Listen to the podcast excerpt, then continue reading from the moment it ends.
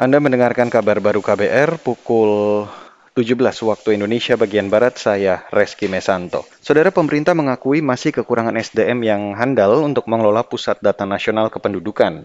Padahal pengelolaan data ratusan juta penduduk harus dilakukan dengan cermat dan teliti. Menurut Dirjen Dukcapil Kementerian Dalam Negeri, Zudan Arif Fakrulo, pengelolaan ini memerlukan SDM dengan standar kualifikasi tertentu. Nah, termasuk kita dalam mengelola data center itu memerlukan SDM SDM yang unggul. Nah, SDM kita ini kurang kurang cukup. Jadi harus ada penambahan dari sisi jumlah dan penambahan dari aspek kualitas. Jadi pendidikannya harus ditingkatkan, kemudian uh, eh, SOP-nya juga harus ditingkatkan, termasuk untuk membangun peningkatan integritas dalam tata kelola. Dirjen Dukcapil Kemendagri Zudan Arif Fakrullah mengungkapkan, Pusat Data Nasional Kependudukan memiliki empat komponen utama, yaitu perangkat sistem atau aplikasi, sarana bangunan fisik, dan SDM.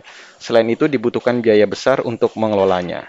Beralih ke berita selanjutnya, Saudara Timnas Bulu Tangkis Indonesia kalah 1-4 melawan Jepang pada partai terakhir babak penyisian grup A Piala Uber 2022 di Impact Arena Bangkok, Thailand hari ini.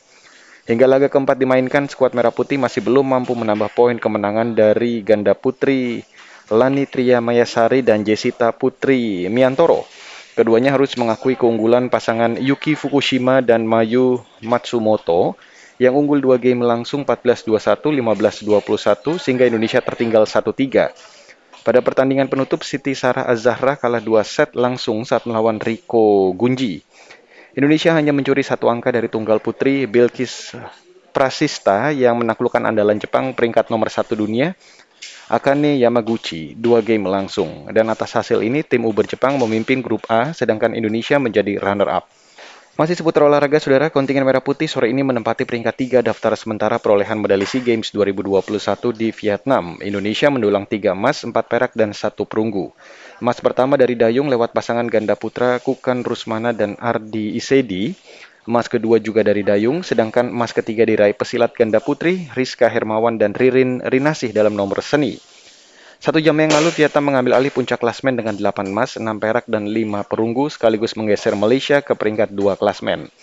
SEA Games 2021 Vietnam akan bergulir hingga 23 Mei mendatang. Dari total 40 cabang olahraga yang dipertandingkan, Indonesia hanya mengikuti 32 cabang olahraga.